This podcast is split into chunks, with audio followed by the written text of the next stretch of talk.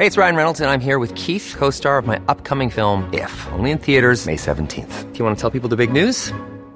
All right, I'll do. Sign up now and you'll get unlimited for $15 a month in six months of Paramount Plus Essential Plan on us. Mintmobile.com slash switch.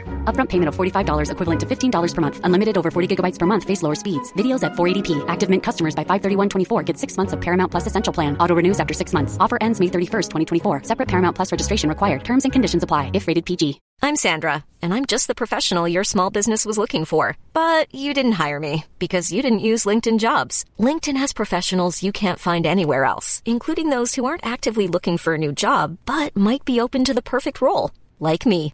In a given month, over 70% of LinkedIn users don't visit other leading job sites. So if you're not looking on LinkedIn, you'll miss out on great candidates like Sandra. Start hiring professionals like a professional. Post your free job on linkedin.com/people today. Du lyssnar på Nyans med mig Hanna, Paula och Kajan. Idag ska vi prata om Skara kannibalen. Det är avsnitt 20 och du är jättevarmt välkommen hit. Och det är ni också Paula och Kajan.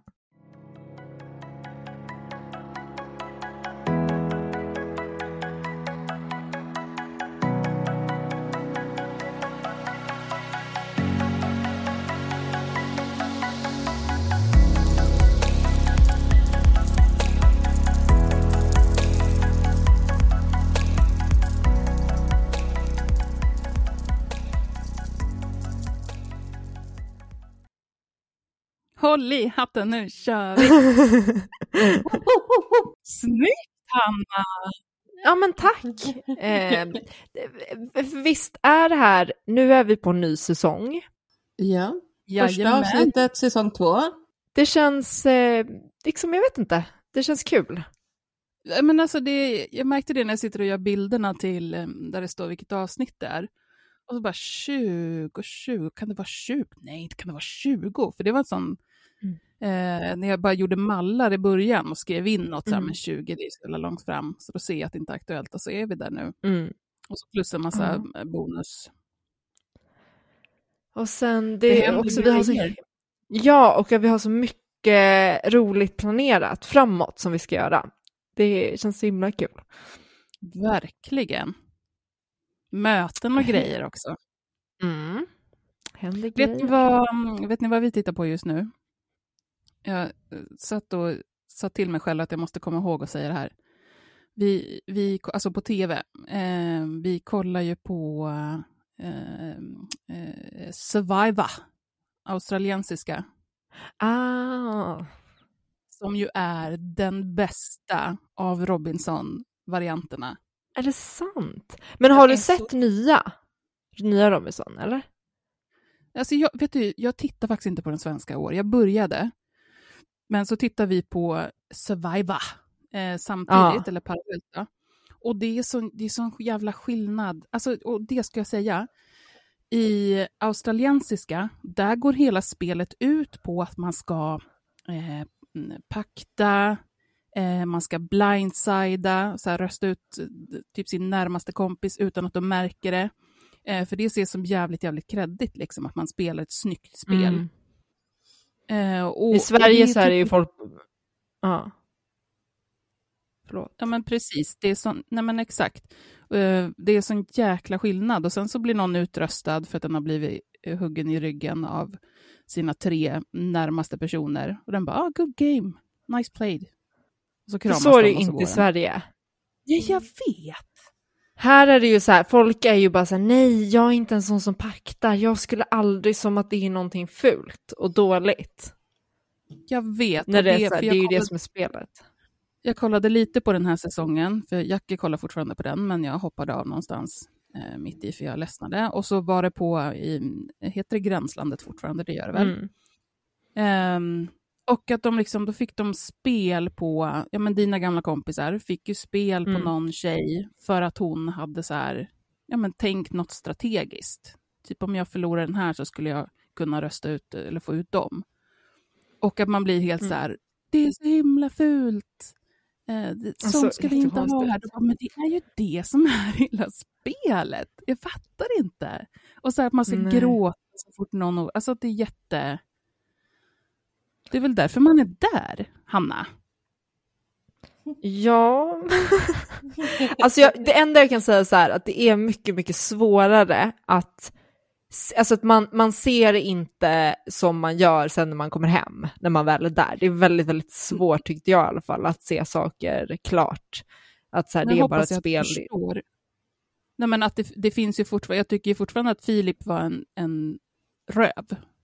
Mm, det tycker det, jag fortfarande. Mm. Ja. Eh, därför att det finns ju att man gör av strategiska skäl och liksom att man har värsta planen. Eh, och att man bara säger nej, hon var dum mot mig och hon tänkte försöka få ut mig, så då vi, mi, mi, mi, mi, mi. Sånt, sånt gillar man inte. Nej, nej, nej jag håller med. Gud, det låter som att jag hycklar nu. Men kolla på, på, eller på australiensiska Survivor. Ja, men jag, jag, jag får kolla till nästa gång. Jävla roliga. Och så har de så sjukt satsiga tävlingar. De har hinderbanor som är liksom, är det så avancerat. Det är så kul. Jag tänkte också förresten nu när jag ändå håller på att babbla jättemycket. Eh, det har ju varit några kommentarer om våran snackis förra avsnittet, eh, som ju var ett mm. bonusavsnitt. Då. Jag tänker att det kanske bara är värt att nämna dem lite grann, för att de är, är super... Ehm, och verkligen jättefint att personer eh, skriver och då handlar det om, om Försäkringskassan och hur man eh, ska jag säga, behandlar människor som är synliga på sociala medier, att man liksom använder det för att, för att bedöma deras eh, status och om man ska få ersättning från Försäkringskassan eller inte.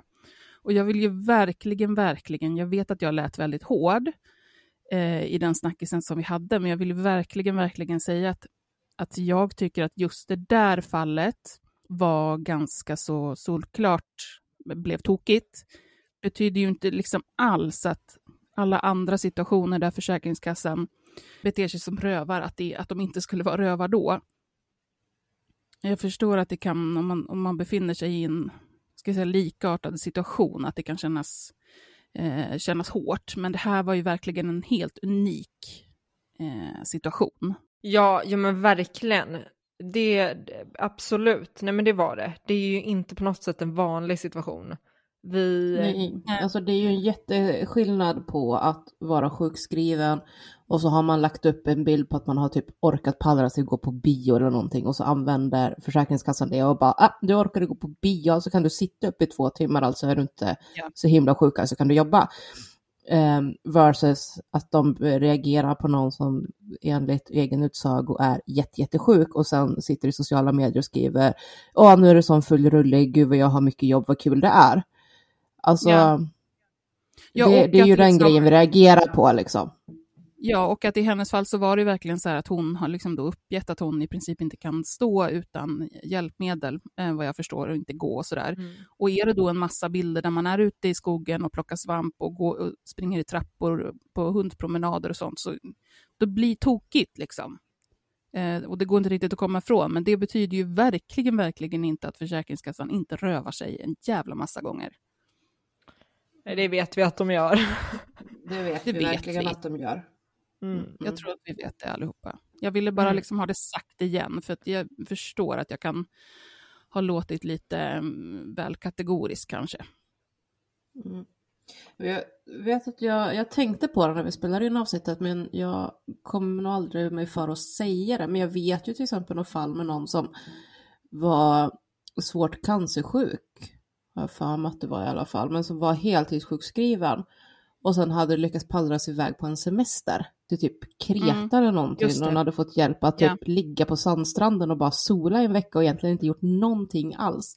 Men där Försäkringskassan tyckte att det faktum att hon hade klarat av att sitta på ett flyg eh, var ja. skäl nog för att säga att hon skulle klara av att heltidsarbeta. Och man som bara, nej, Nej, det, det är ju bara bananas liksom. Så det finns ju också jättemånga exempel på där Försäkringskassan gör de mest märkliga liksom, tolkningarna mm. utav vad folk har gjort eller inte gjort i sociala medier. Eh, oh. Men det här var ju lite intressant att lyfta just för att det kändes som ett sånt fall som inte Alltså, vi... palatsar in i liksom stackars den här sjuka personen som lagt ut någonting ja. i sociala medier och Försäkringskassan är dumma i huvudet. Men jag tänker att det är just därför vi också lyfter det och varför det är intressant, för att det är, det, det är ett fall som sticker ut på det sättet. Man, vi skulle säkert kunna... Ja, men så att vi bara liksom inte eh, fastnar i heller att um, ja, men så fort det är eh, ni vet så här, ryggmärgsreflex, så fort det är någon som har fått något nekat av Försäkringskassan så är det dumma Försäkringskassan, utan att man faktiskt också kan, kan se att det kan finnas undantag där det, där det är tokigt och sånt. Mm. Um, mm. För, för så ser det ut med allting, även om det oftast mm. kanske inte är så, eller väldigt många fall inte är så, så finns det fortfarande. Och jag vill, känner mig väl ändå ganska trygg med att säga att jag tyckte att det där var ett sånt. Mm. Ska vi hoppa in i... Ja, vi ska hoppa in. Jag ska bara säga att det var eh, superbra att man skriver och eh, uppskattar verkligen att, för det är några som har skrivit och verkligen berättat om personliga situationer. Och eh, så, så, att ni vet att vi, vi läser det eh, vördnadsfullt, höll jag på att säga. Det är inte alls det jag menar. Eh, men det är jättebra att ni skriver och vi tackar för det.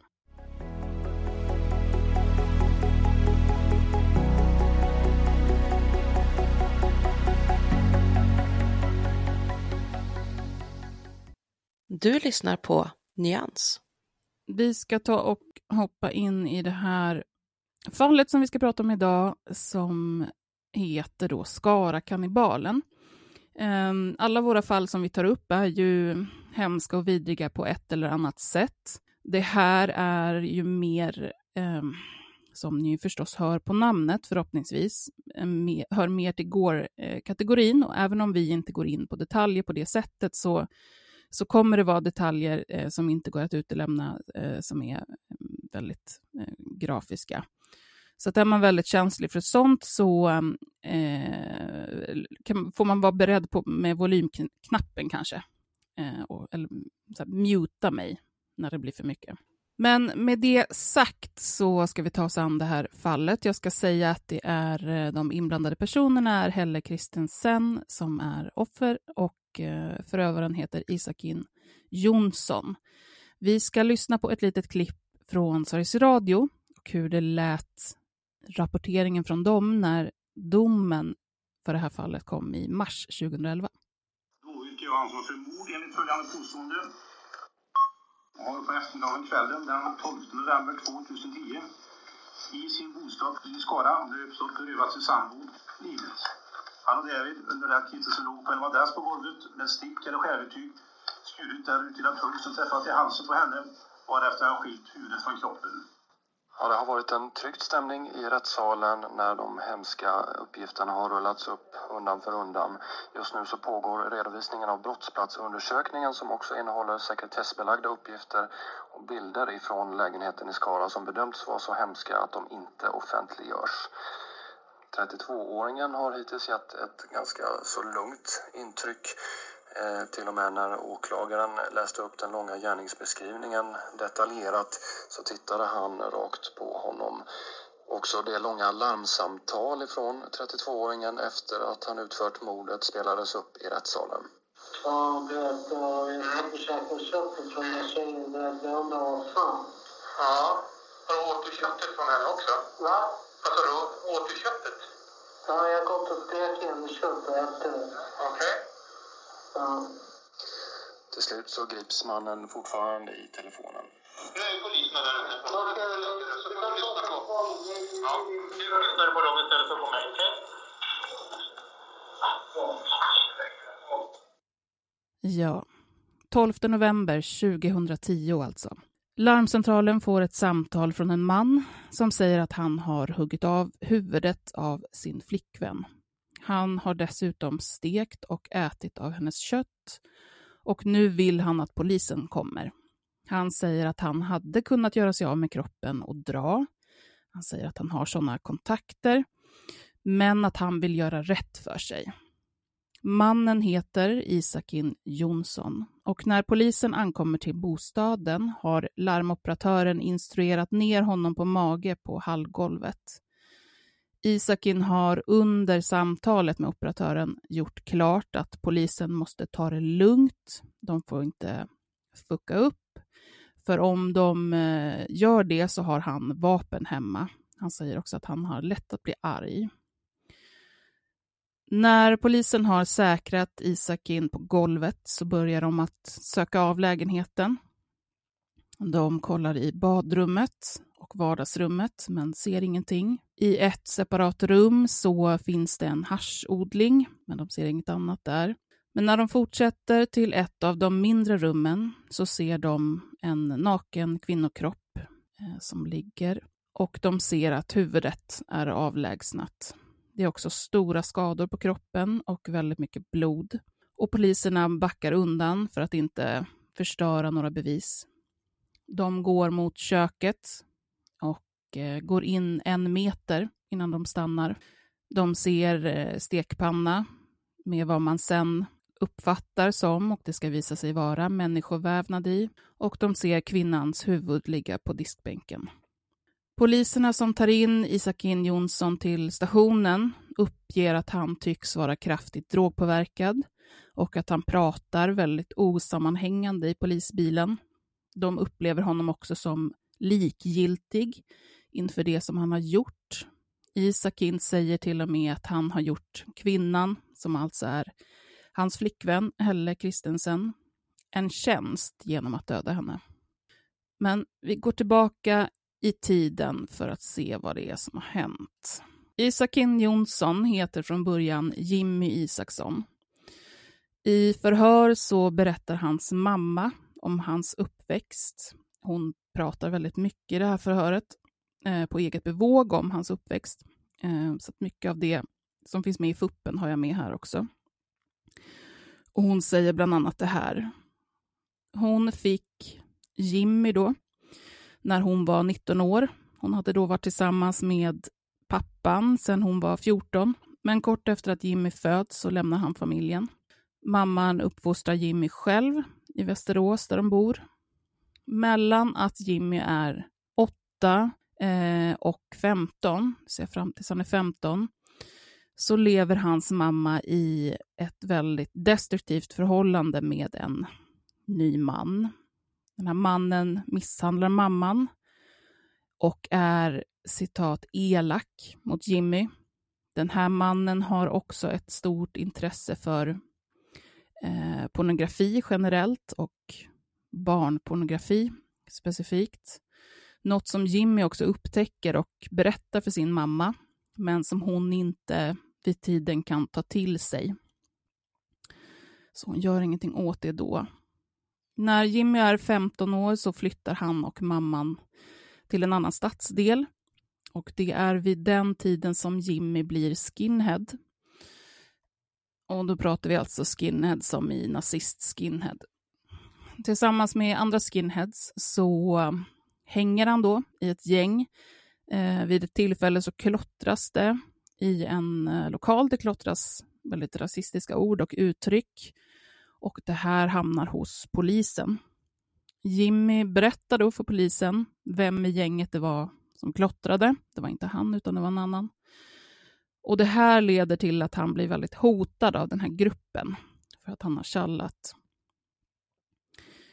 Jimmy kommer att bosätta sig i Köping, bland annat då för att han inte kan bo kvar eftersom att han är hotad av, av den här skinheadsgruppen. Eh, han går individuellt program på gymnasiet. När han är 17-18 år så träffar han den kvinna som han kommer att få ett barn tillsammans med.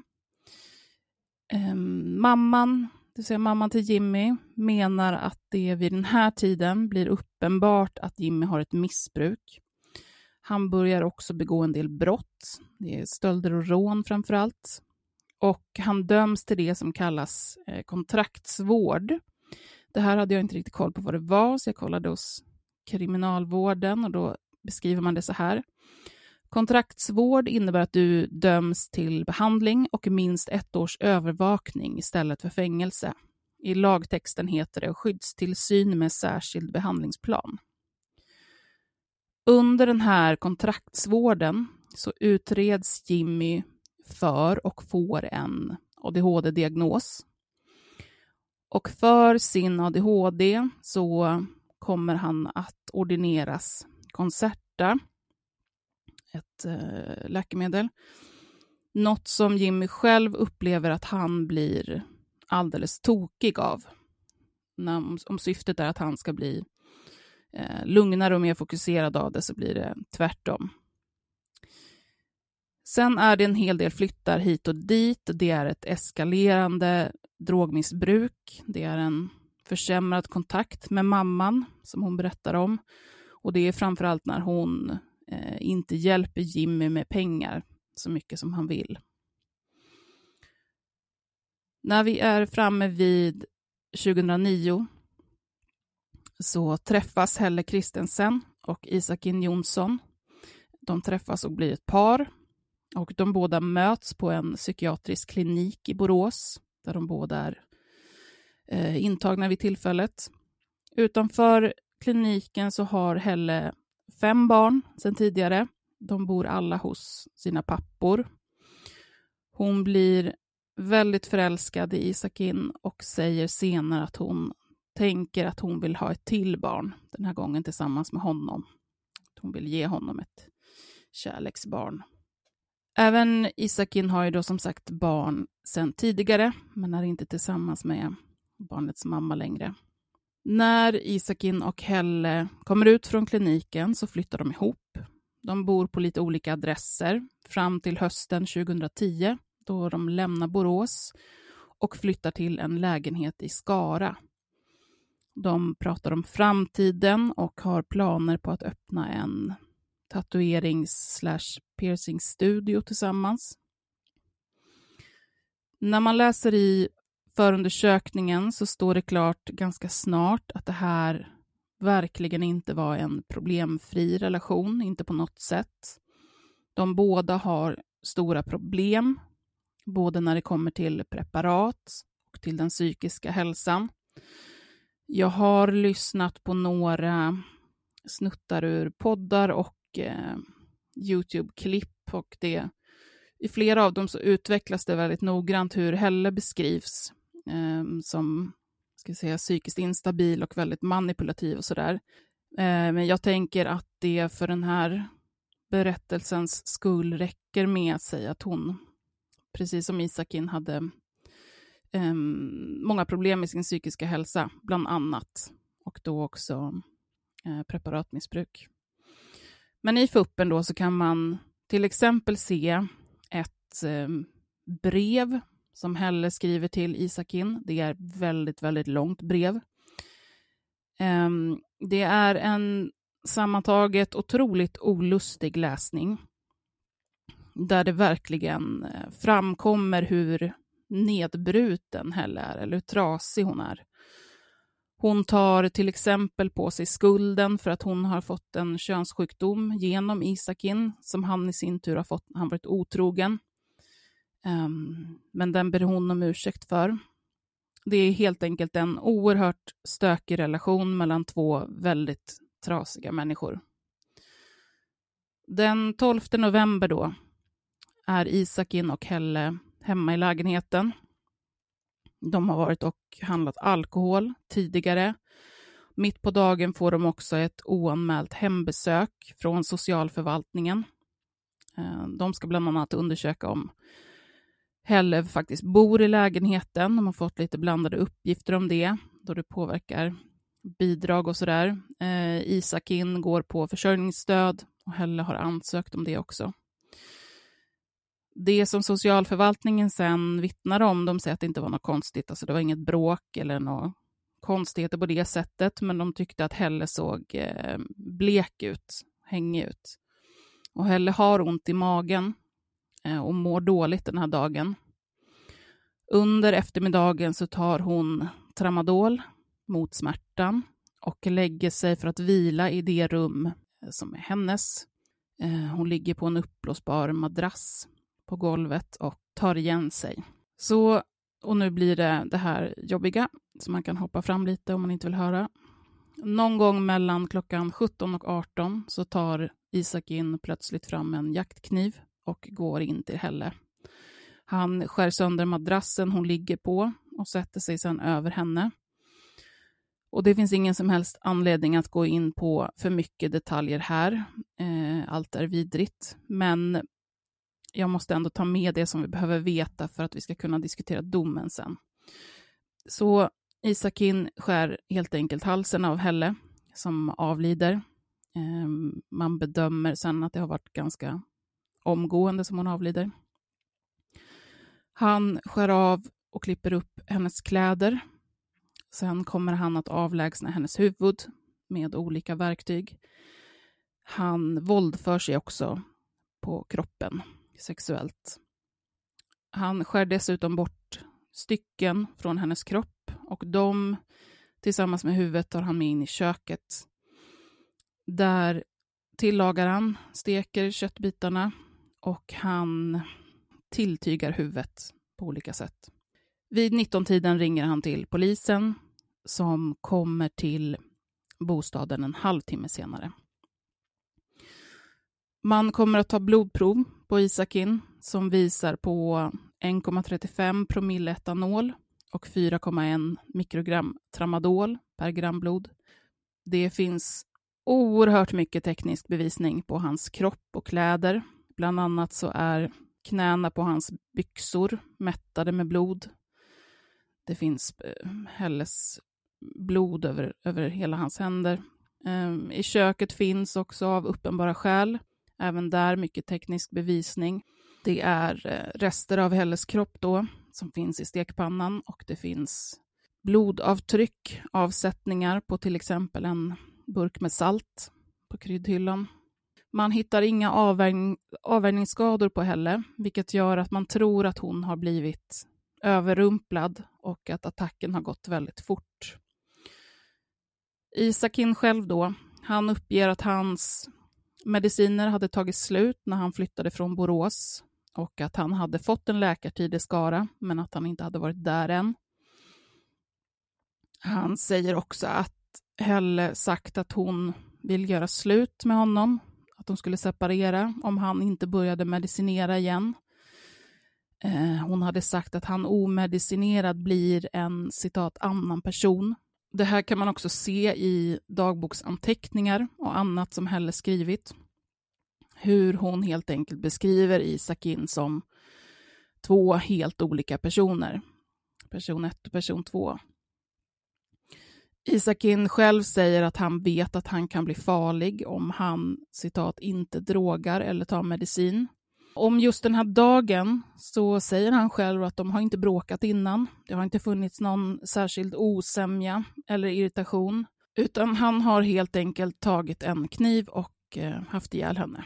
Han säger själv att han har en del minnesluckor under det här tidsförloppet, men att han bland annat minns när han skar Helle i halsen och eh, när han stekte köttet.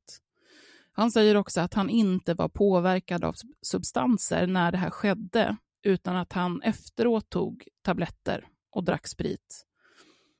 Isakin menar att han inte vet varför han gjorde som han gjorde, men att det måste ha varit förutbestämt att det skulle bli så. I domen så står det till exempel så här, eh, citat, han förstår inte varför han gjorde illa Helle Kristensen. Han måste ha fått någon form av tillfredsställelse av gärningen.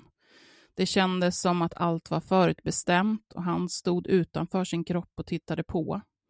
Det var bestämt att han skulle döda Helle, äta av henne och ha sex med henne för att sen ringa polisen. Han hade bara att lyda. I förhör så kommer det också att framgå att ett ex till Isakin har uppfattat det som att han har varit inne på, eller i alla fall snuddat vid, eh, kannibalistiska tankar tidigare. Han ska under deras relation ha sagt att eh, han skulle kunna tänka sig att ta livet av en annan människa. Han säger också själv sen att eh, han visste att han var kapabel till det. Jag tror också att han säger att han har haft ihjäl någon tidigare. Eh, och exet säger också att han har uttryckt att han undrar hur människokött smakar. Närstående till Helle kommer i förhör att uppge att de alltså, misstyckte den här relationen och också att de har sett skador på Helle genom åren som de själva eh, tror har åsamkats av, av Isakin. Eh, jag stannar där, Hanna.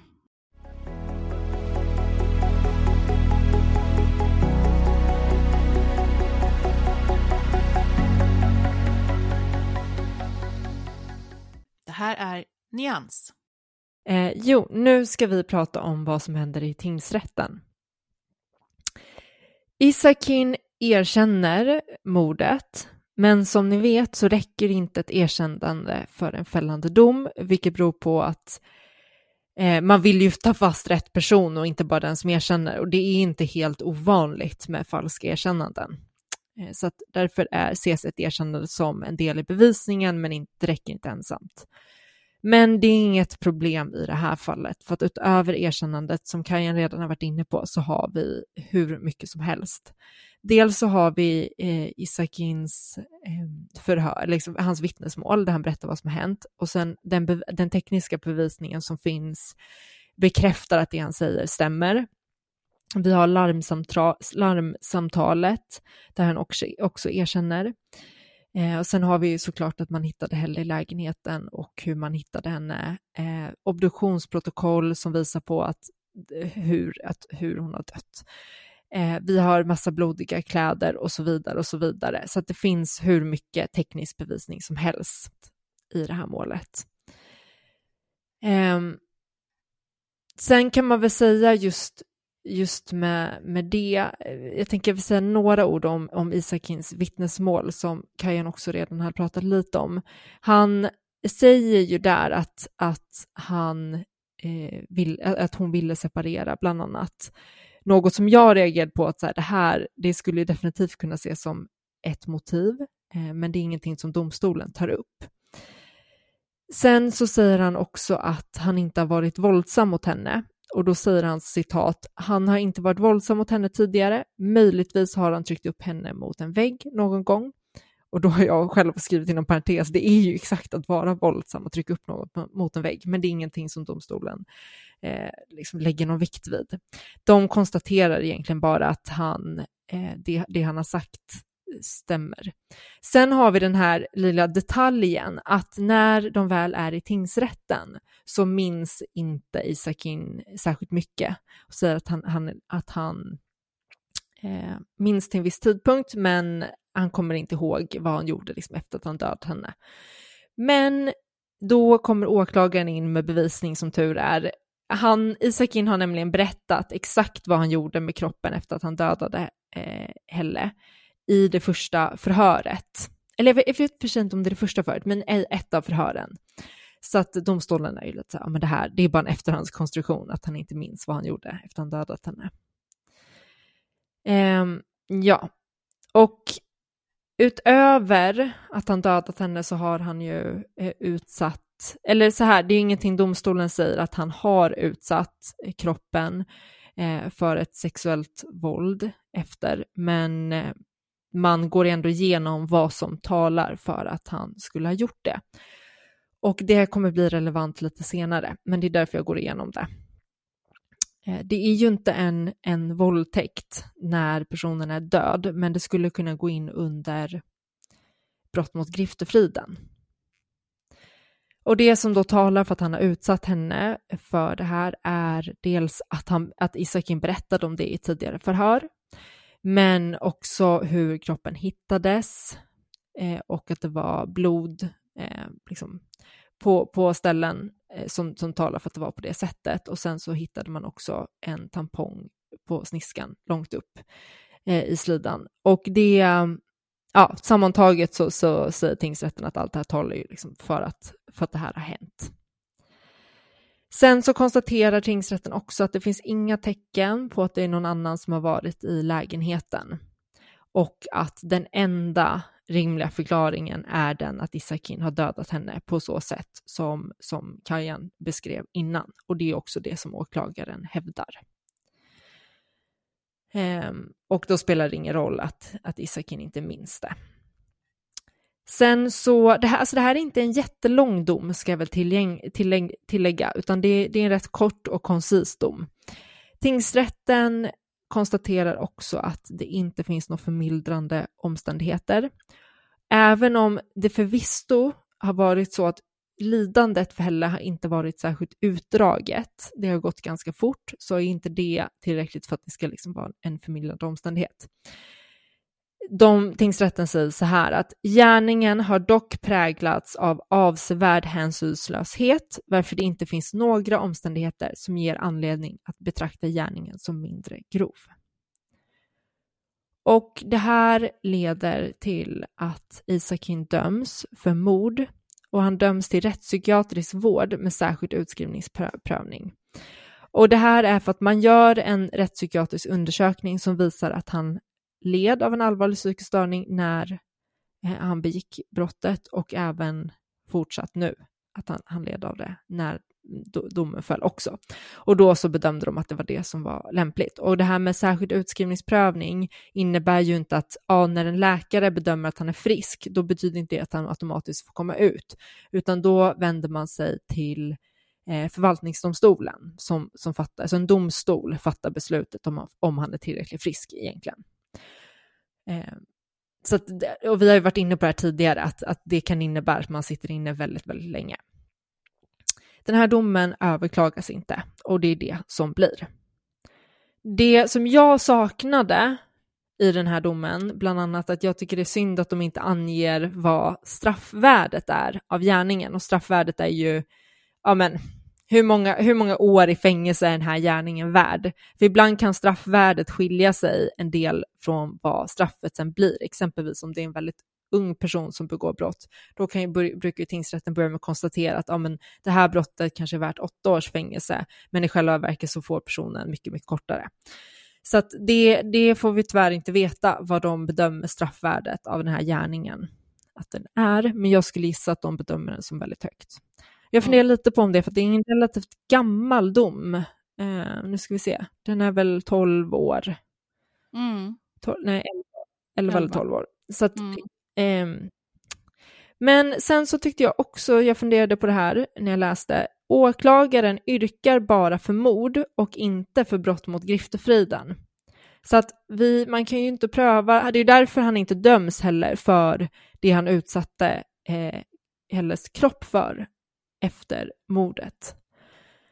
Eh, för man skulle ju kunna tänka, ja man skulle kunna tänka sig att, alltså att, att göra, att, att utsätta kroppen för det han gjorde, alltså han våldtog kroppen, är, skulle definitivt kunna vara brott mot griftefriden. Och, och det är ju synd att, att åklagaren inte yrkade. Jag vet inte varför. Um, alltså i alla, Men, är det inte i alla situationer nästan när en kropp styck lyckas? Tar man inte med det då? Ja, man bru ja, ja. Eh, dels, eh, precis, det är inte bara det han utsatte kroppen för sexuellt, utan han, hur han behandlar den oerhört skymfligt liksom, efter ja. och han styckade den och sådär. Det finns ju till och med fall, jag menar, där det har sett som brott mot griftefrid för att man har flyttat kroppen. Ja, men exakt. Det, det krävs inte jättemycket, så att jag tycker det är synd att de inte...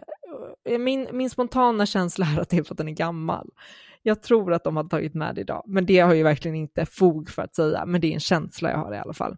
Mm. Eh, men och det som domstolen kan ju inte, de, är, de kan inte, de är ju som bundna av det som åklagaren yrkar. Så att de yeah. kan ju inte pröva brott mot griftefriden eftersom att åklagaren har bara yrkat mord.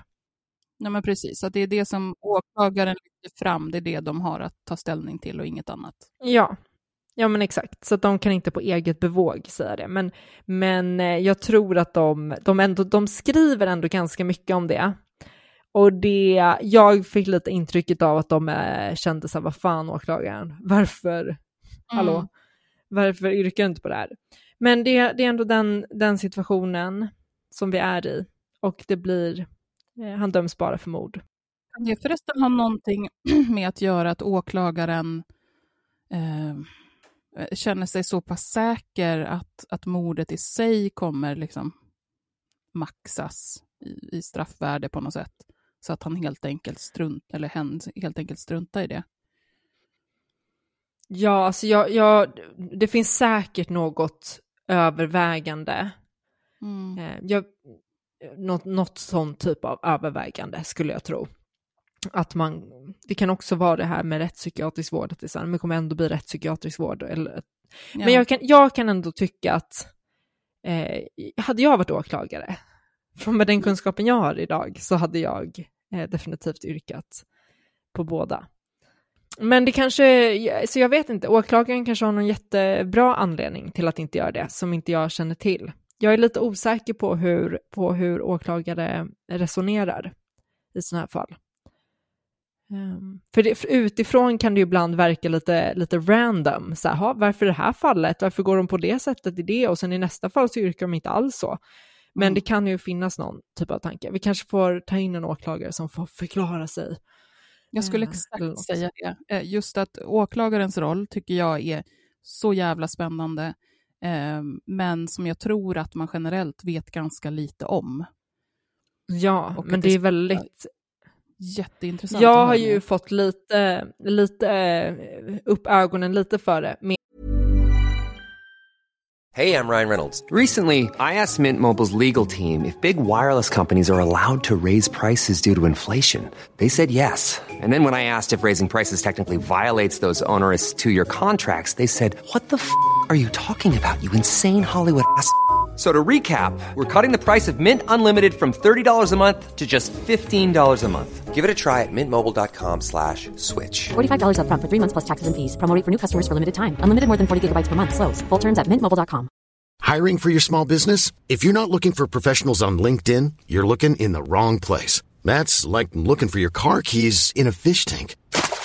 LinkedIn helps you hire professionals you can't find anywhere else, even those who aren't actively searching for a new job but might be open to the perfect role. In a given month, over 70% of LinkedIn users don't even visit other leading job sites. So start looking in the right place. With LinkedIn, you can hire professionals like a professional. Post your free job on linkedin.com slash people today. nu när jag, min, min kille jobbar på Åklagarmyndigheten. Mm. Så att han har ju lärt mig lite mer om hur det funkar. Men vi får kanske locka hit någon åklagare. Men det, det, är, min, det är min genomgång av domen i alla fall. Den var inte saftigare än så.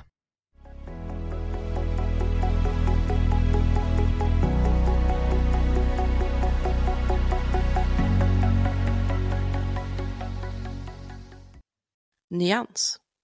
Ska du köra Paula?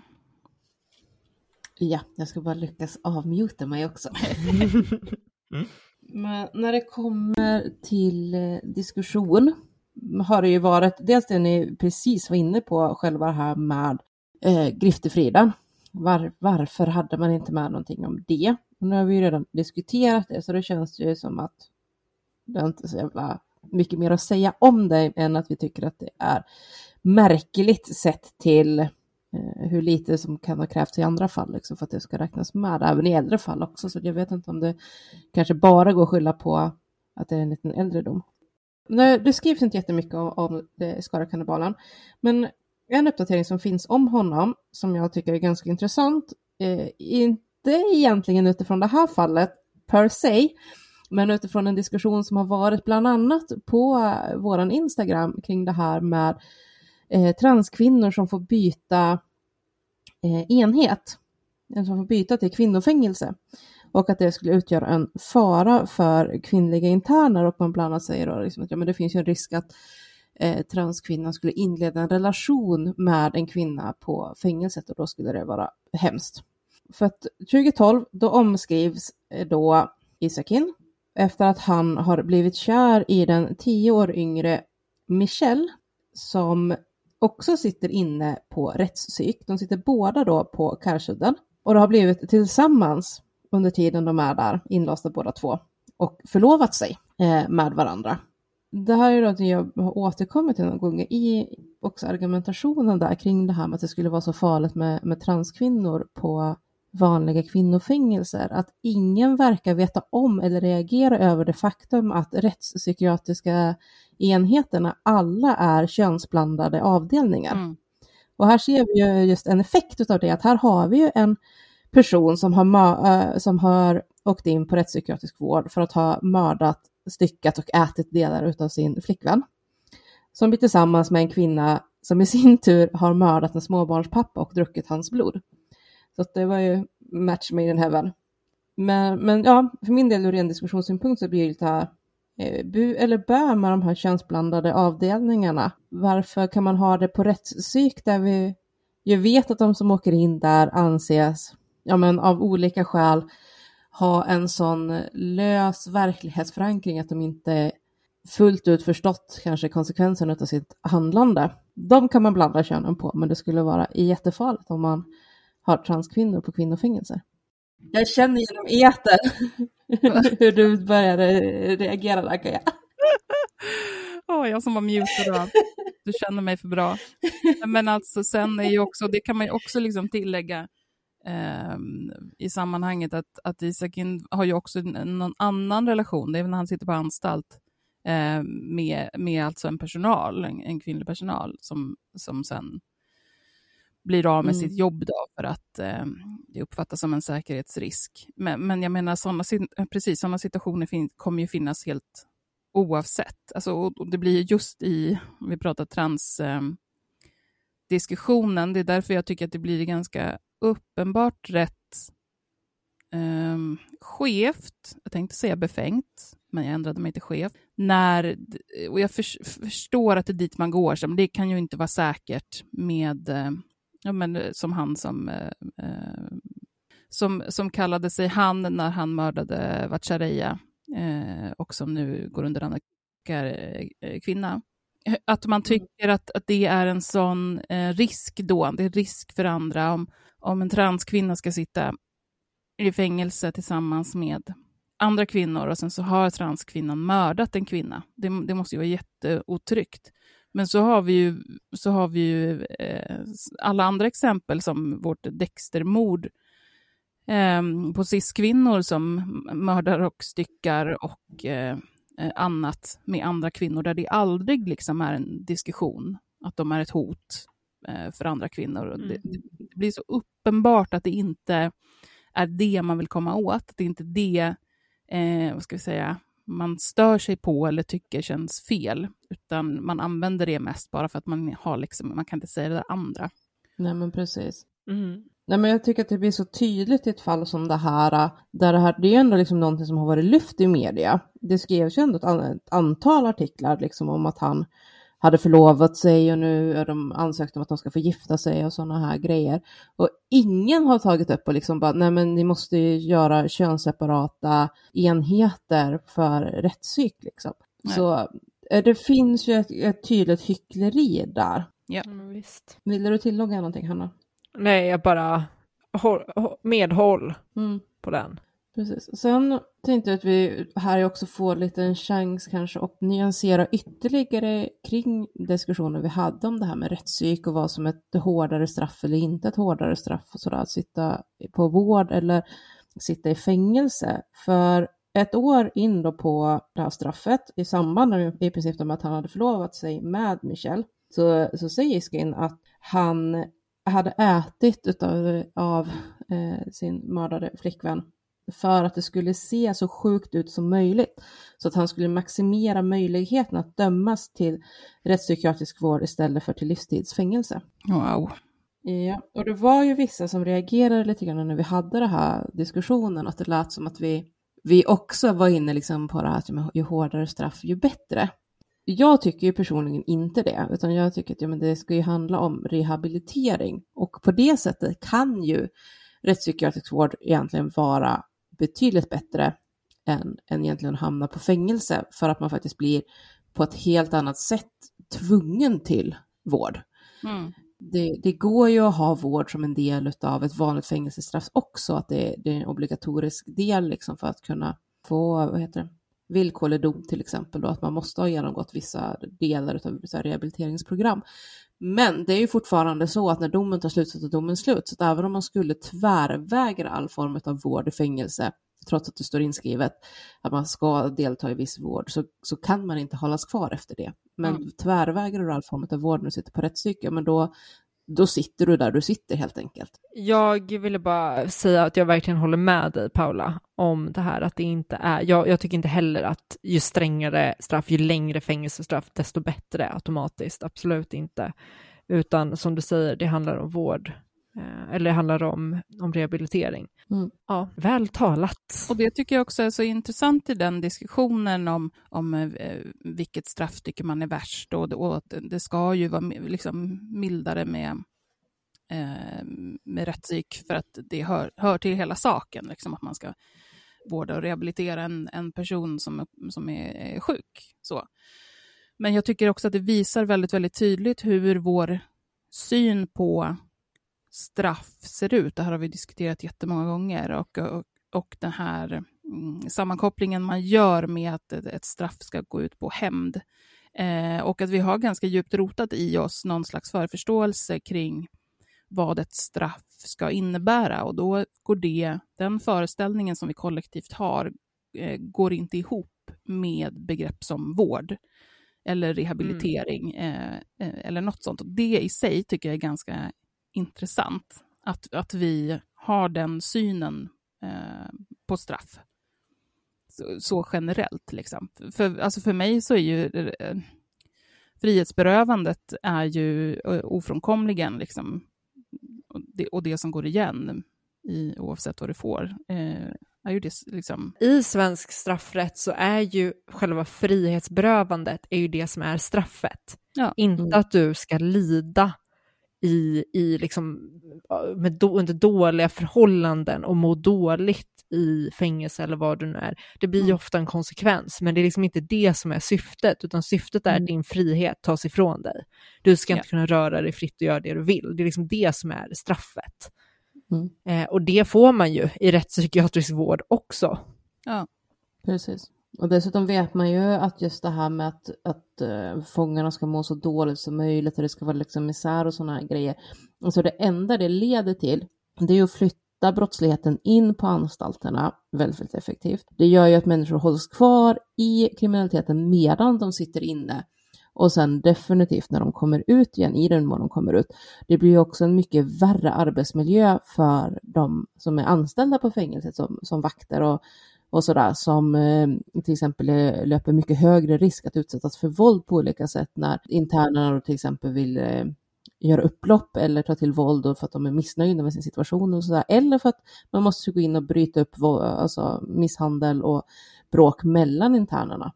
Så att det, det finns absolut ingenting att vinna på den, det tankesättet, den ingången, även om det är dit att samhället just nu barkar tyvärr.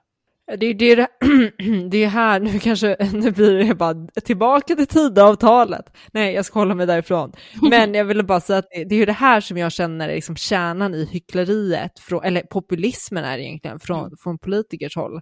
Att de kör på med det här att ja, men straffa, straffa, straffa hårdare, trots att vi vet att inte det hjälper. Men jag bara kommer att tänka på att det finns ett norskt fängelse, nu kommer inte ihåg vad det heter, men som har visats ha superbra eh, liksom statistik när det kommer till så här, de fångarna som, eller brottslingarna som har varit där, har, hur ofta de har återfallit i brott och så vidare. Alltså de har... Det är det som ligger på nu. Jag vet faktiskt inte, jag kommer inte ihåg. Det som har absolut bäst, det ligger ju på en ö och det är ju bara för de absolut grovast kriminella ja. som sitter inne för typ mord och väpnade rån och eh, gängkriminalitet och sådär. Men att de verkligen har tagit den här super, super tydliga approachen att så här, det här är behandling, vi ska behandla alla som är här, vi behandlar dem värdigt eh, och att här, bygga de här relationerna mellan eh, de som vårdar och de som är inne, men också det här att hela deras approach är att du ska lära dig att leva i samhället igen. Mm. Alltså de har ju, jag har ju sett lite olika dokumentärer om just norska fängelser. Eh, och de har ju den som ligger ute på en ö som jag inte kommer ihåg vad den heter nu. Men, men där är det ju så att där går ju fången också fritt på hela fängelseområdet. För att man säger att ja, men det går typ inte att, att liksom bara simma ifrån ön. Och det finns en enda båt som personalen har för att ta sig dit och tillbaka. Och det är övervakat vid den enda liksom stället där man kan alltså, hämta upp den båten. Så det är, den enda vägen bort är det är det enda som bevakas och i övrigt så får fångarna göra precis vad de vill på den där ön. Eh, mer eller mindre då. Jag googlade här bara under tiden. Eh, och sen från 2010 så finns det en Aftonbladet-artikel som, där rubriken lyder “Här är världens bästa fängelse” och då är det norska Halden. Ja, men det är den jag tänker på. Ja, för sen, jag tänkte säga, för sen finns Halden, men det är inte den som ligger ute på en ö, utan det är Nej. annan. Det är på Halden som, som Breivik sitter i en egen, eh, egen lägenhet. Men på Halden vet jag att de har ju till exempel som en form av kreditkort, alltså take vanligt Mm, Mastercard-kort, ja, att de exakt, har sitt exakt. eget liksom, kort. Ja. Ja, som alla fångarna får och så när de jobbar så får de pengar in på det precis som vi får lön. Och så har de, ja, så har de ju byggt som typ ett citygross eh, där de får gå in och handla det de vill ha om de ska kunna laga middag och sådana här grejer. Men just det här Väldigt att, spännande.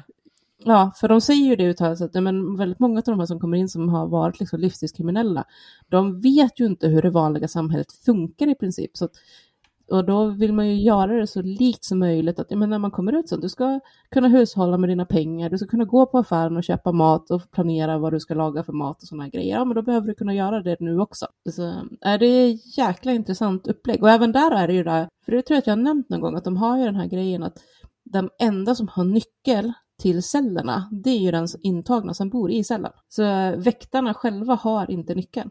Jag ska bara, Hanna, jag ser att du räcker upp handen. Jag ska vara jättesnabbt utifrån den här eh, artikeln, och nu är den från 2010. Eh, men då, då står det så här, funkar det då? Eh, enligt fängelsedirektören är det norska systemet högst effektivt. Var femte norsk fången är tillbaka bakom galler inom två år efter att de släppts. I Sverige är siffran närmare det dubbla. Um, och sen så står det lite om varför det också funkar, att det är mindre återfallsförbrytare då i Norge och så står det också att i USA är antalet återfallsförbrytare mellan 50 och 60 procent inom en tvåårsperiod. Men det här är ju typ det, det var det, var det här var inne, det jag skulle vara inne på, eller var på väg in i, om ni fattar vad jag menar.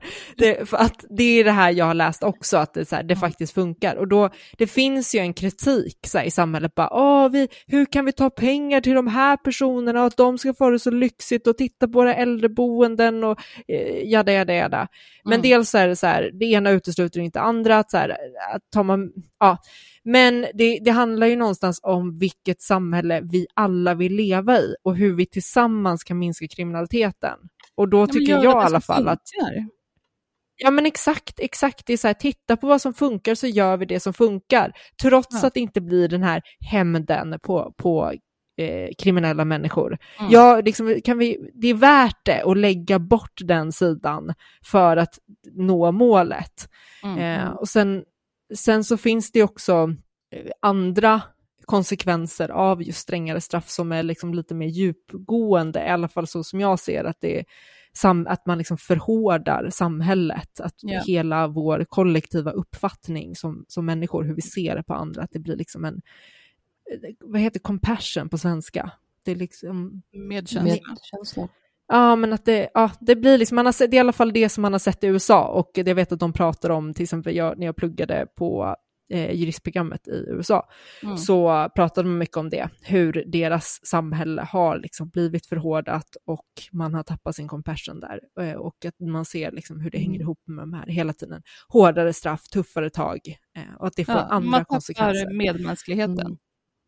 Mm. Jag tror vi har pratat om det, eller varit inne på det tidigare också, att det, det får ju också den här effekten att eh, själva våldet från de kriminella ökar för att de får mindre och mindre att förlora på att Mm. faktiskt ta ihjäl människor. Mm. Så att det, ja, men det finns väldigt många aspekter på varför det här är, är väldigt, väldigt dåligt. Men en sista grej, egentligen, eller två, två saker, en större, en mindre, eh, om själva Skarakannibalen då, och det här. Det är ju dels att han eh, har ju ansökt om att bli frisläppt. Nu fick ju han särskild utskrivningsprövning, vilket betyder att det räcker ju inte med att han, eh, chefläkaren på Karsudden säger att han är färdig eh, behandlad, utan det ska ju också då till förvaltningsrätten som ska godkänna att han blir utsläppt, vilket de inte har gjort.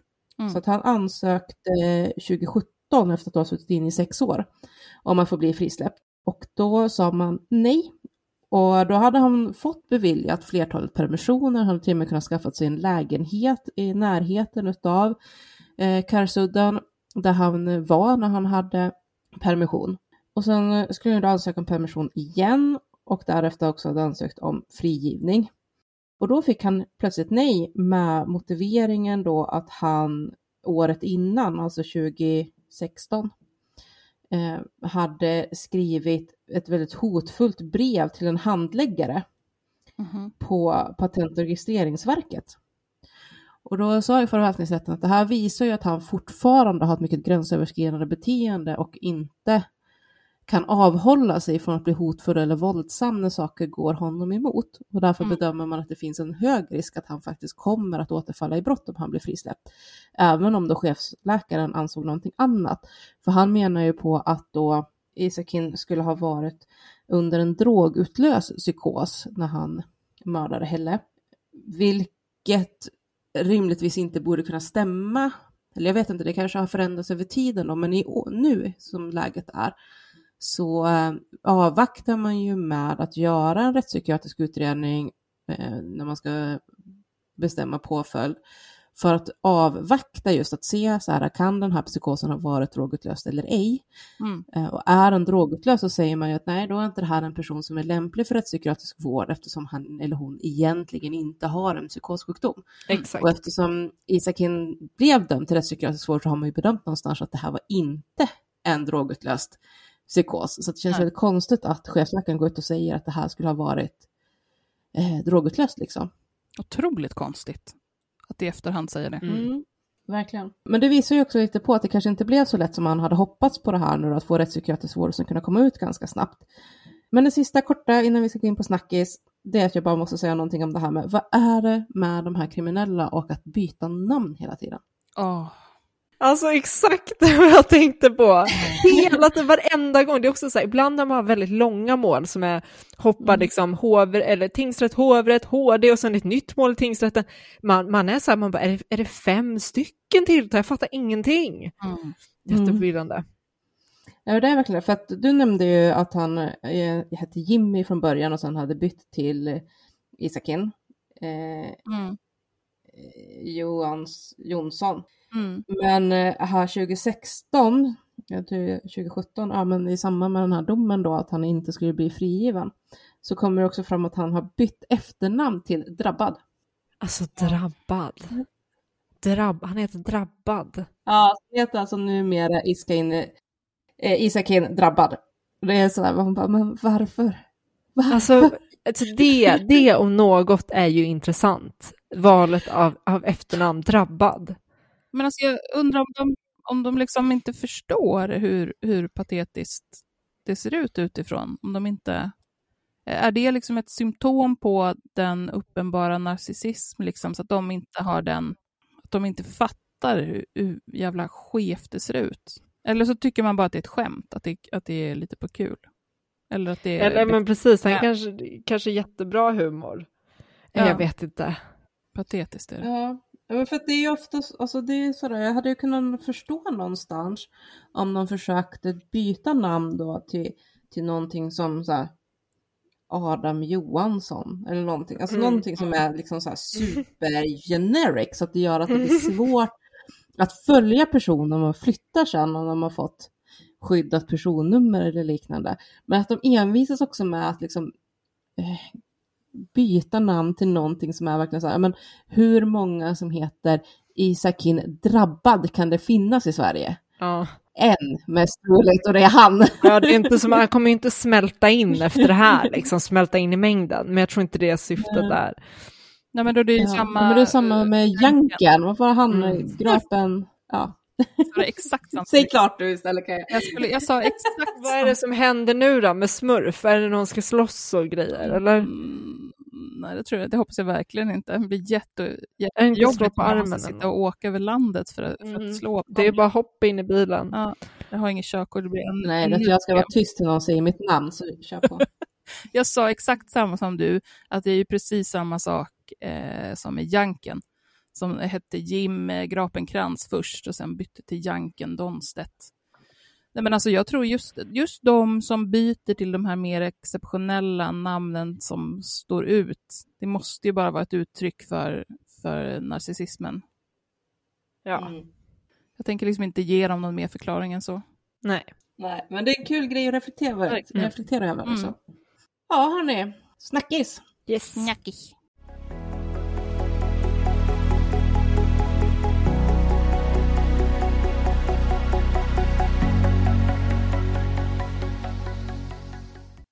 Du lyssnar på Nyans. Snackis, snackis, snackis. För, för omväxlings skull så är ju ni med på vad det blir för snackis också. Jag sa precis tänkte jag bara undrar vad det blir och så bara... Jag tycker också, vad, vad är det vi har sagt nu? Vänta nu har jag glömt. Eh, vi, vi ska ju prata lite halloween. Just det, just det, just det. Just det, just det.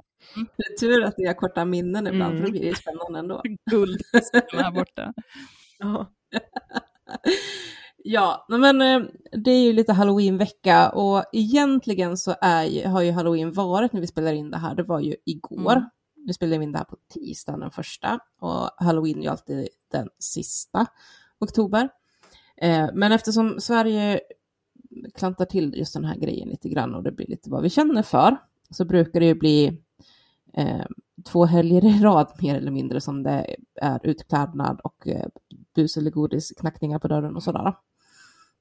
Så jag misstänker att det kommer ju väl vara en och annan som firar halloween eh, under eh, vad heter det, alla helgona som är nästa helg. Och Det har ju inte varit så mycket snack om det än i Sverige, men jag vet att det är mycket debatt i bland annat USA, men även Storbritannien och sådär som väl kanske är lite mer heta på det här med halloween. Att man, man ifrågasätter val av klädsel. Och den som har följt mig i sociala medier på vardagsrasismen och så vet ju att men det har ju skrivits många gånger kring det här med att inte använda olika kulturer eh, som, som utklädnad. Att man inte ska gå som arab eller indier eller whatever. Mm. Men, men det som är nytt-ish för i år och kanske lite mer i linje med vad våran podd handlar om, nämligen true crime, det är ju att det har blivit en grej att man vill gå som eh, seriemördare och kanske i synnerhet då Jeffrey Dahmer efter en viss uppmärksammad tv-serie. Mm. Vad har ni för tankar om detta? Alltså, jättemånga egentligen, men de är så himla osorterade. Eh, hade jag kommit ihåg att det var det här ämnet så hade jag kunnat försöka sortera dem, men det har jag inte gjort. Nej, men eh, ja, precis som du är inne på lite så tänker jag att det är, är två saker man får förhålla sig till. Jag menar, jag har själv, det var förra året eller för två år sedan, skrev om eh, Lövengrip som eh, var och testade kostymer, eh, maskeradkostymer och eh, latchade runt i en fatsuit och tyckte att det var hysteriskt roligt. Eh, och, och där jag menar att det är ytterst olämpligt. Eh, både att klä ut sig till en tjock person och att ta på sig en, en tjock dräkt och garva åt eh, hur det ser ut. Um, och så förstås naturligtvis uh, kulturell appropriering uh, och den diskussionen. Det är en sak. Och sen så är det här andra med att man har, ja men det var väl i USA där det var något, något barn som föräldrarna hjälpte till att klä ut till Jeffrey Dahmer, det var ju säkert massor, men det var en som jag såg att det skrevs om. Att det mer hör till diskussionen kring mm, man ska inte uppskatta att, eh, man ska inte vara intresserad av true crime, man ska inte, alltså förstår ni, att det mer hör till den eh, till den diskussionen att sånt här med mördare och riktiga mördare, sånt ska vi liksom inte...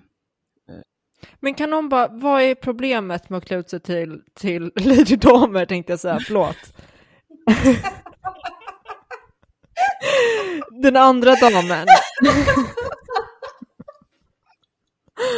eh, vad Gud, jag är så trött. Vad heter han? Jeffrey. Eh, Just det. Den.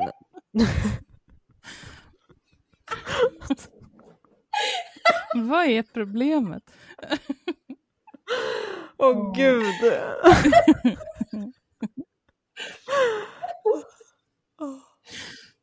ja, det är jag som är lite, alltså jag, jag försöker aktivera mina kugghjul här. du, Det är Jag inte är- konstigt alls att det blev så där. Nej. Ja, men, Men vad är det som är problemet? Problemet som man säger är att det är ytterst osmakligt att klä ut sig till en person, då, som till exempel eh, Jeffrey Dahmer i det här fallet, eh, som har mördat faktiska eh, personer och också då eh, överrepresenterat eh, svarta män i, i en tid och i ett eh, område och samhälle som är eh, uppenbart rasistiskt. Liksom. Eh, nej, men och att man gör det till en, en skojsig sak. Att det är, är högst olämpligt och speciellt då när det också finns anhöriga som lever fortfarande och sådär. Att det ska vara en, en kul grej. Det är den kritiken. Men är det, att- är det nu, är det, jag antar att det här har blivit en grej, att det är liksom många som klär ut sig till honom just nu för den Netflix, Ja. Netflix-serien. Ja, det finns till och med så här färdiga set som man har Ja. kunnat köpa liksom som är inspirerad av tv-serien då med glasögon och någon peruk och en sån orange Mm, mm. overall, alltså fängelseoverall typ. Ehm, men jag vet att det var något, något företag som hade tagit ner sitt i alla fall just för att det hade blivit så mycket kritik kring, kring det liksom. Alltså jag, jag har verkligen svårt att säga mm, var jag, var jag står. Jag har inte en sån där magkänsla som är väldigt tydlig åt något håll. Ehm, För jag är ju, å ena sidan så är jag ju helt med på att det finns sätt att förhålla sig till utklädnad som är olämpligt. Och det är så pass Mm. olämpligt att man eh, borde strunta i det. Ehm, Man kan hitta något annat som är kul för att det gör skada. Men sen å andra sidan är jag också så här, är inte med på hela, ni vet, man kan inte lyssna på en artist om, om det har framkommit något negativt om, om artisten som person, att, att eh, han är en röv liksom, mot kvinnor till exempel. Jag förstår ni, det här liksom renläriga, Mm. vi ska inte Mm. um, förhålla Alltså jag skiter ju fullständigt i det. Ja. Sen, sen blir det lite sådär val av också. Att jag lyssnar ju framförallt via Spotify till exempel för att jag vet att eh, artister bråkar med dem hela tiden om att de tycker att de får för dåligt betalt. Mm. Eh, men eh, jag skulle ju inte gå på en konsert eller köpa merch eh, till, till en artist som jag vet är en jävla röv. För att det är sånt som jag vet också kommer bli pengar som går mer direkt till den artisten. Ja. Eller allting som runt den artisten än vad det gör att det blir en spelning till på Spotify typ. Så Ja. det, det är väl lite sådär val av. Men jag känner med just den här grejen med, som med Lady Damer och sånt där. Lady Damer. Anna! med Jeffrey Dahmer. Eh, så, eh, så skulle jag säga att det stora problemet, det är lite det du nämnde där, han, eh, Kajan, att det finns anhöriga som fortfarande lever. Mm. Mm. Menar, det finns ju folk som har klätt ut sig till typ Dracula eller Lady Dracula eller Jack the Ripper och sådana här grejer i alla tider och ingen har brytt sig. Trots att det också var verkliga människor som också påståtts ha mördat väldigt många, eller Jack the Ripper vet man ju har mördat väldigt många. Eh, Dracula-personerna är väl lite mer sådär att det, det sägs att de ska ha mördat jättemånga, men eftersom det hände på typ 1300 och 1400-talet så är de historiska källorna lite tvek, eh, tveksamma, så att man kan väl inte säga fullt ut hur det verkligen såg ut. Mm. Eh, Men, men det är ju också sådär att det har gått så lång tid från de grejerna så att det finns heller inga anhöriga kvar som kan ta skada av att folk går omkring utklädda till, till deras anhöriga, anhörigas mördare. Liksom. Men det är, så är ju fallet med, med Dahmer. Men, men då blir det också så här i mitt huvud, vad blir då skillnaden mellan att jag tar på mig en Jeffrey Dahmer eh, på Halloween och att jag sitter och tittar på eh, Netflix-serien som är producerad också utan att anhöriga har eh, blivit tillfrågade eller, eller komma till tals. Liksom. Nej, alltså jag är nog ändå lite sådär på att jag egentligen kanske inte fullt ut ser problemet att man är utklädd. Jag tror att det som blir problem för många i kombination med att det finns anhöriga som lever, det är ju att man uppfattar utklädnaden på något sätt som att man hyllar personen i fråga. Ja. Det är ju lite som med den här serien om han, eh, åh, vad hette han nu då, den svenska eh, brottslingen där med Stockholmssyndromet och alltihopa. Mm. Ja, Han ja. Ja, ja men nu, ja, det, det Ja. finns en serie om honom också nu. Och den har ju också fått en del kritik för att man liksom menar att den skulle glorifiera honom för att han känns Det som en gör sån det. skön snubbe. Ja, det Bla, bla, gör bla. det. Ja, och, och jag tänker så att ja, men det kanske är att glorifiera delvis. Det kan också vara så att man faktiskt bara visar som det är. att han, alltså, Även de här liksom mest grymma, hemska brottslingarna är ganska ofta personer som av alla andra som inte Mm. råkar hamna som offer för dem upplevs som jävligt sköna snubbar. mm. Eh, eller Mm. många som liksom att, jag vet, det finns ju en, en eh, ganska känd seriemördare till exempel som heter Israel Keys. Mm. När, när han åkte fast så var ju folk liksom så helt chockade för att han, alltså han åkte ju liksom, men det, ja, han mördade flickor och styckare och grejer i sitt garage. Och sen gick han liksom så här, lämnade kroppen och så eh, gick han in och nattade sin lilla dotter. Mm. Och eh, alla runt omkring var verkligen så att men han är ju liksom så helt vanlig familjefar och väldigt omtyckt och sådana grejer. Och så är han liksom värsta bestialiska mördaren. Eh, Men, men jag tror fortfarande att det är lite det här att man tänker att, menar att ser man även liksom de här hemska människorna som någon typ av faktiska människor, att det i sig gör att folk upplever det som att det, det är att glorifiera. Mm. Eh, och, och samtidigt tänker jag så att, men vad är läskigare än en seriemördare? Ja. Alltså just till halloween så är väl det skitlämpligt för att det, är man en normal människa så tycker man ju att de är fruktansvärt jävla obehagliga. Och att det finns andra sätt att förhålla sig till läskiga, vidriga, hemska saker på än att bara eh, liksom inte röra vid det alls och liksom sky det som elden. Det finns andra sätt att, eh, tycker jag, eller det är så jag tänker när jag liksom ligger och läser på om, om vidriga brott och, och mördare, att det, det finns andra sätt att förhålla sig till det som inte behöver handla om att man tycker att det är balt eller eh, vill att det ska normaliseras eller någonting, utan att det här är en krass, en krass del av, av den verklighet som vi lever i och att det kan för många både kännas intressant och, och betryggande att eh, inte hålla det för långt ifrån sig, utan mer ha det där man kan ha koll på det på något vis. Ja, det här är en jätte... Jag känner att till, tills vi spelar in nästa avsnitt så kommer jag säkert ha ändrat mig helt. jobbigt. vi har fått försnack. För att jag känner mig eh, så, jag känner mig väldigt lättövertalad kan man väl säga i den här frågan. Om någon säger någonting, jag bara det där låter jättebra, jag tror på det. Och så säger någon någonting annat, jag bara ja, jo, det är nog så. Eh, jag känner mig inte på något sätt förankrad i någon åsikt. Fy fan vad skönt. Ja, det är liksom, jag bara, hmm, väldigt fladdrig i det här. Eh, jag har ingen så här, superstark åsikt, Nej. Sammanfattningsvis. Ja, Men inte jag heller. Och, och det tror jag kan vara mycket också för att det inte finns något... Eh, alltså, det är ett helt jävla spektra med olika situationer som, som man Ja, alltså det- blir fel det- eller, eller som inte är något problem alls. Att det så, kan vara så olika. Ja, jo, men det, det handlar väl lite om finkänslighet. Så, Ja. Vilken fest ska du på? Vilka är där? Ja. Är det lämpligt? Ja. Ja. Mm. Nej, men då så. Vi är inte Yes, förankrade. Det känns som en bra ska- sammanfattning. Ja, men eller hur? Mm. Det är väldigt skönt att inte vara för fast förankrad i saker hela tiden. Nej. Hörni, vad här, bra jobbat med det här, det här vidriga, inte avsnittet, Mm. för ni är trevliga, men eh, fallet i alla fall. Ja. Skönt att den här vidriga Jag tycker det ska bli är väldigt intressant. jag tycker det ska bli intressant att se vad, vad ni som lyssnar har att säga om det här. Vad tycker ni, vad tycker ni om ett Jeffrey Dahmer utklädnad på halloween, bu eller bä?